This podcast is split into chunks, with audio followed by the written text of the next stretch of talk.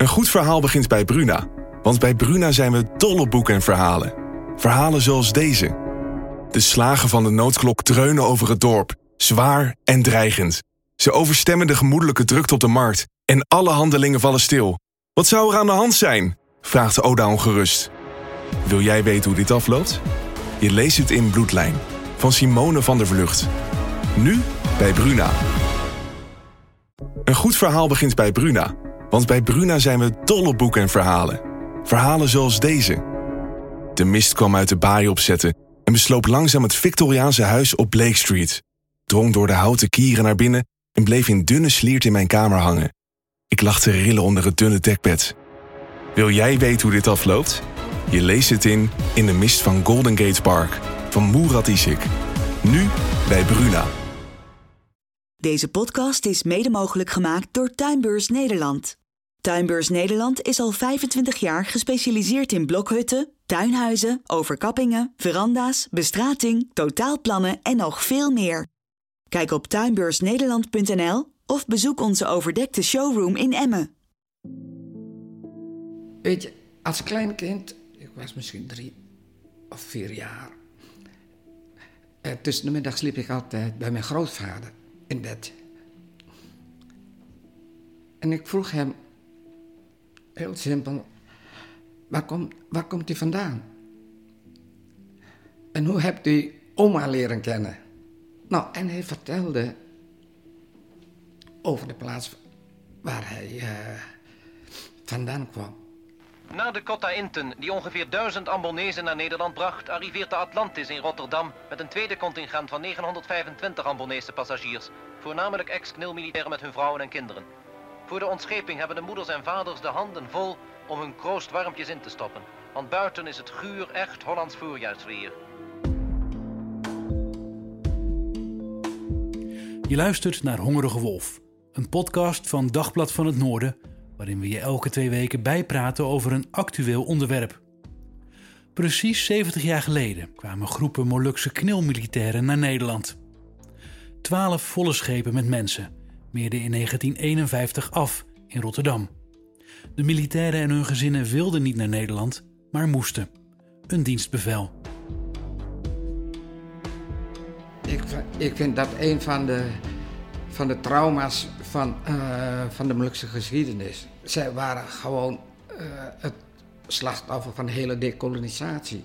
Je hoort Nusolisa uit Assen. Inmiddels 68 jaar, dit jaar word ik 69. Hij is een nakomeling van de Molukse militairen die in 1951 naar Nederland werden gehaald.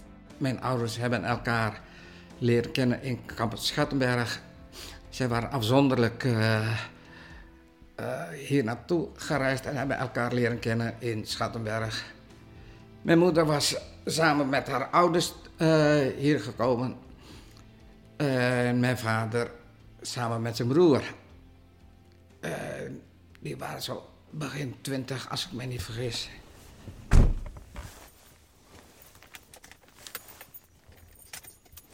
Maar laat ik bij het begin beginnen. Een podcast over 70 jaar Molukkers in Nederland. Waar moet je dan eigenlijk beginnen? Als ik denk aan Molukkers, dan komt onbedoeld het beeld van de treinkaping bij de punt op mijn netvlies. Maar hoe is het ooit zover gekomen? En hoe is het nu? Ga linksaf naar Esdoornlaan. Ik ben onderweg naar Otto Tapikalawan in Bovensmilde. Hij is de zwager van Nusolisa en medewerker van de Molukse regering in ballingschap. Want ook al zijn de Molukken geen zelfstandige staat, een president is er wel. Sinds de uitroep van de onafhankelijkheid in april 1950. De bestemming is links van je. Bereikt. Hallo. Otto? Ja hoor, zeker. Zeker, mooi. De Molukken, waar hebben we dan eigenlijk precies over? Nou, Molukken is... Uh, ik raad toch iedereen aan, de luisteraars ook aan, om even de kaarten bij te pakken. Of in ieder geval te googlen en via internet. Dat, dat is een uh, vrij groot uh, gebied. Wat bestaat, men zegt uit ongeveer duizend eilanden aan, het, uh, aan de oostgrens van uh, Indonesië, het huidige Indonesië.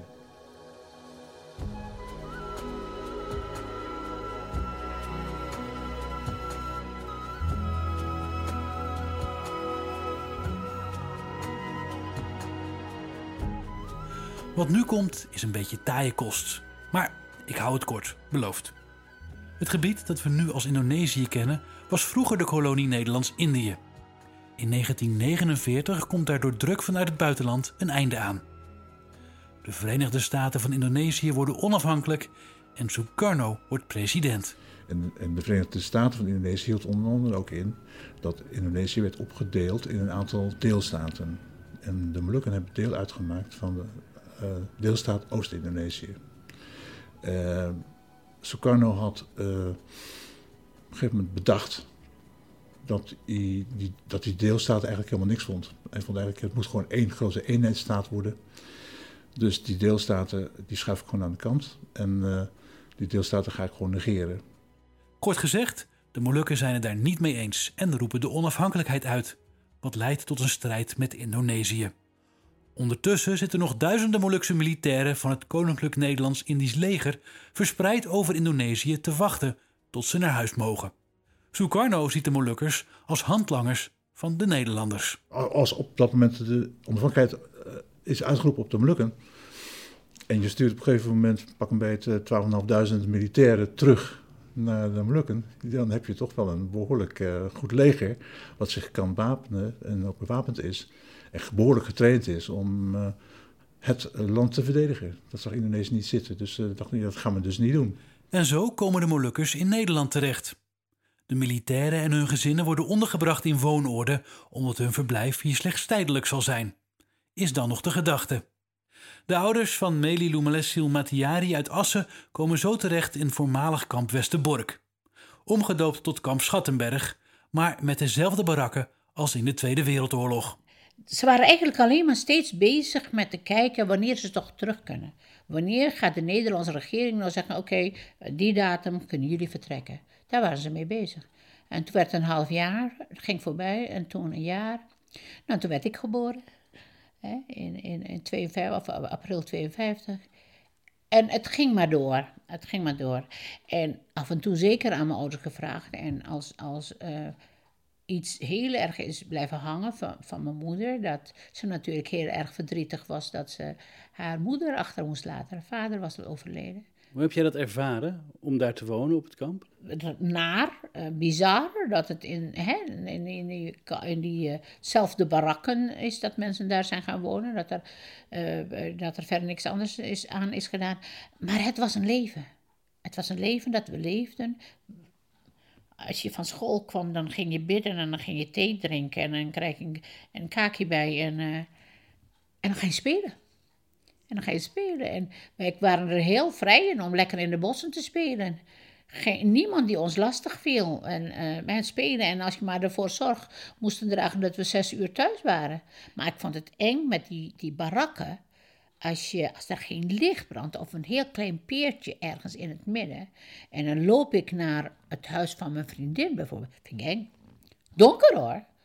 Het is daar donker. Het is, het is, het is, ben je wel eens in zo'n kamp, in zo'n barak geweest. He, dat is één lange gang. En met allemaal zijdeuren en ergens, he, daar, daar, wonen die gezinnen. Dan moet je ergens aankloppen dat je weet wie waar woont. Ik vond het nooit leuk. Ik vond het altijd verschrikkelijk.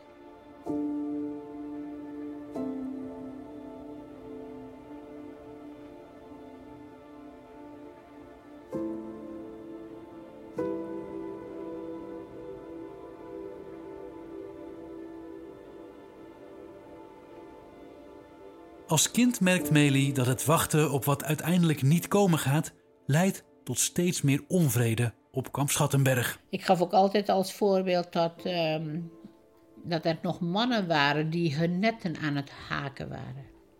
Hun visnetten. Die, die hingen ze, dus gingen een haak aan het kozijn. En zo werd hun, net, waren ze hun net aan het haken vis, visnetten om natuurlijk in de Molukken te kunnen gebruiken als men terugging. Nou, dat was hartverscheurend. Dat heeft echt wel een paar jaren geduurd. En tot het volgens mij misschien de, de, uh, of dat mensen ook ouder zijn geworden en dat niet meer zo gauw deden. Of er ook achter kwamen, nou voorlopig gaan we niet terug.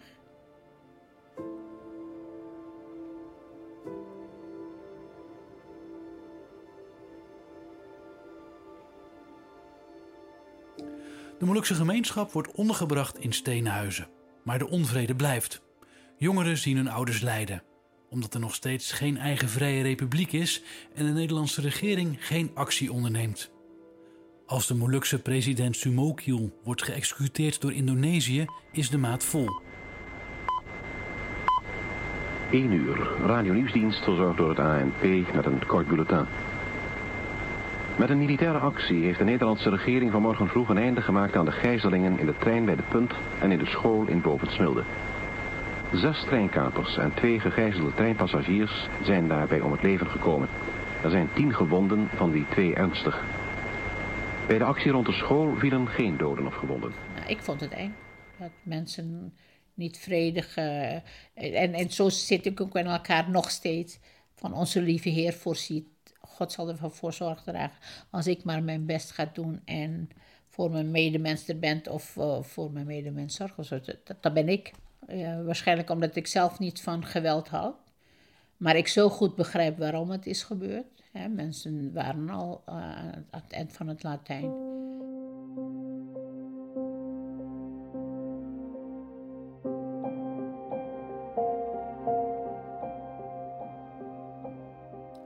Noes Solisa heeft meer begrip voor de harde acties, al betreurt hij dat daarbij doden zijn gevallen. Nou ja, er was natuurlijk bij mij en mijn, eh, en mijn leeftijdsgenoten was een enorme wrok.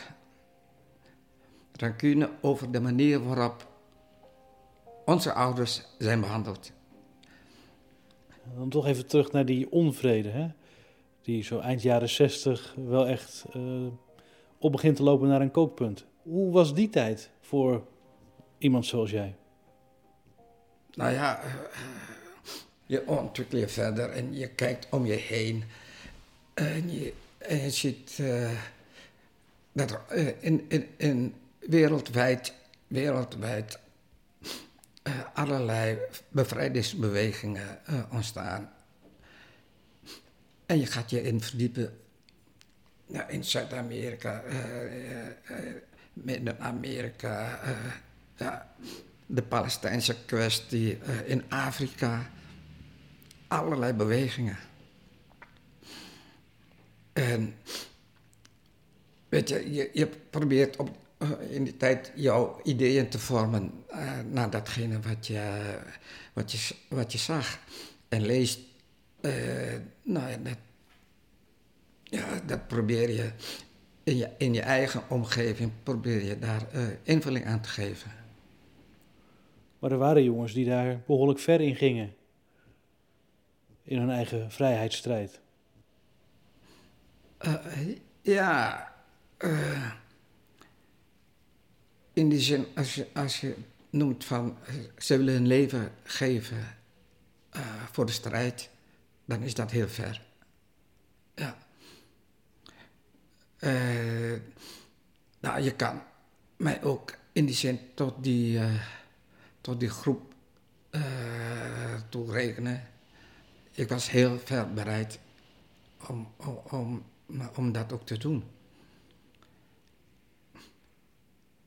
Alleen, ja, de omstandigheden waren er, waren er zo dat ik dat niet deed. Althans, hier niet in, in, die, eh, in, in die acties in de jaren zeventig. Want hoe keek jij daar persoonlijk tegenaan? Ehm gijzeling van het provinciehuis in Assen, de treinkapingen. Eh, nou, als je kijkt even naar eh, actie Wassenaar. Dat was de eerste. Dat was de eerste in, eh in 70. Ja, dat gaf een, een, een, een beetje een push. Een push in de zin van, jongens, wakker worden.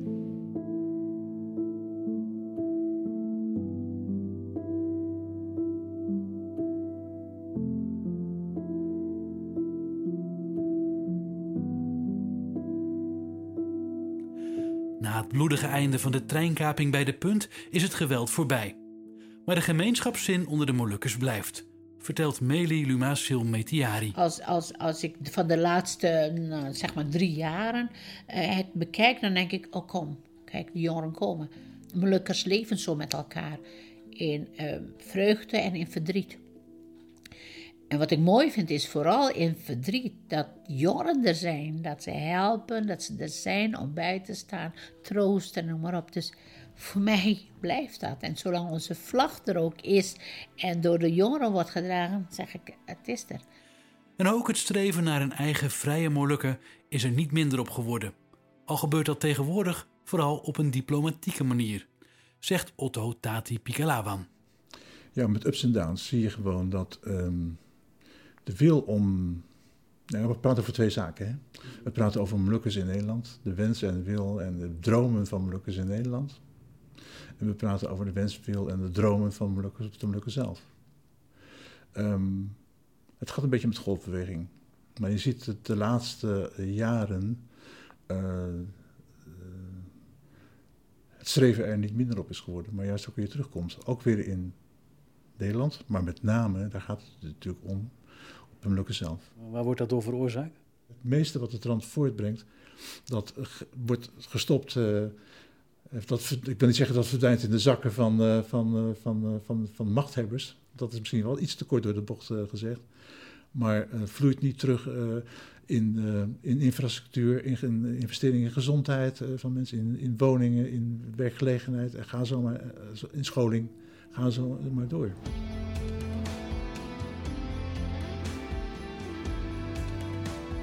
Dit was Hongerige Wolf voor deze week. Over twee weken zijn we er weer. Wil je meer lezen over 70 jaar Molukkers in Nederland? Kijk dan op onze website. Daar vind je een drieluik over dit onderwerp, geschreven door journalisten Willem Dekker en Stef Bekhuis. Genoot je van deze aflevering? Laat dan een recensie achter in de podcast-app. Dan help je ons, zodat meer mensen de podcast kunnen vinden. Dit is een podcast van Dagblad van het Noorden en hij is mede mogelijk gemaakt door Tuinbeurs Nederland. Mijn naam is Jeroen Kelderman en ik bedank je voor het luisteren.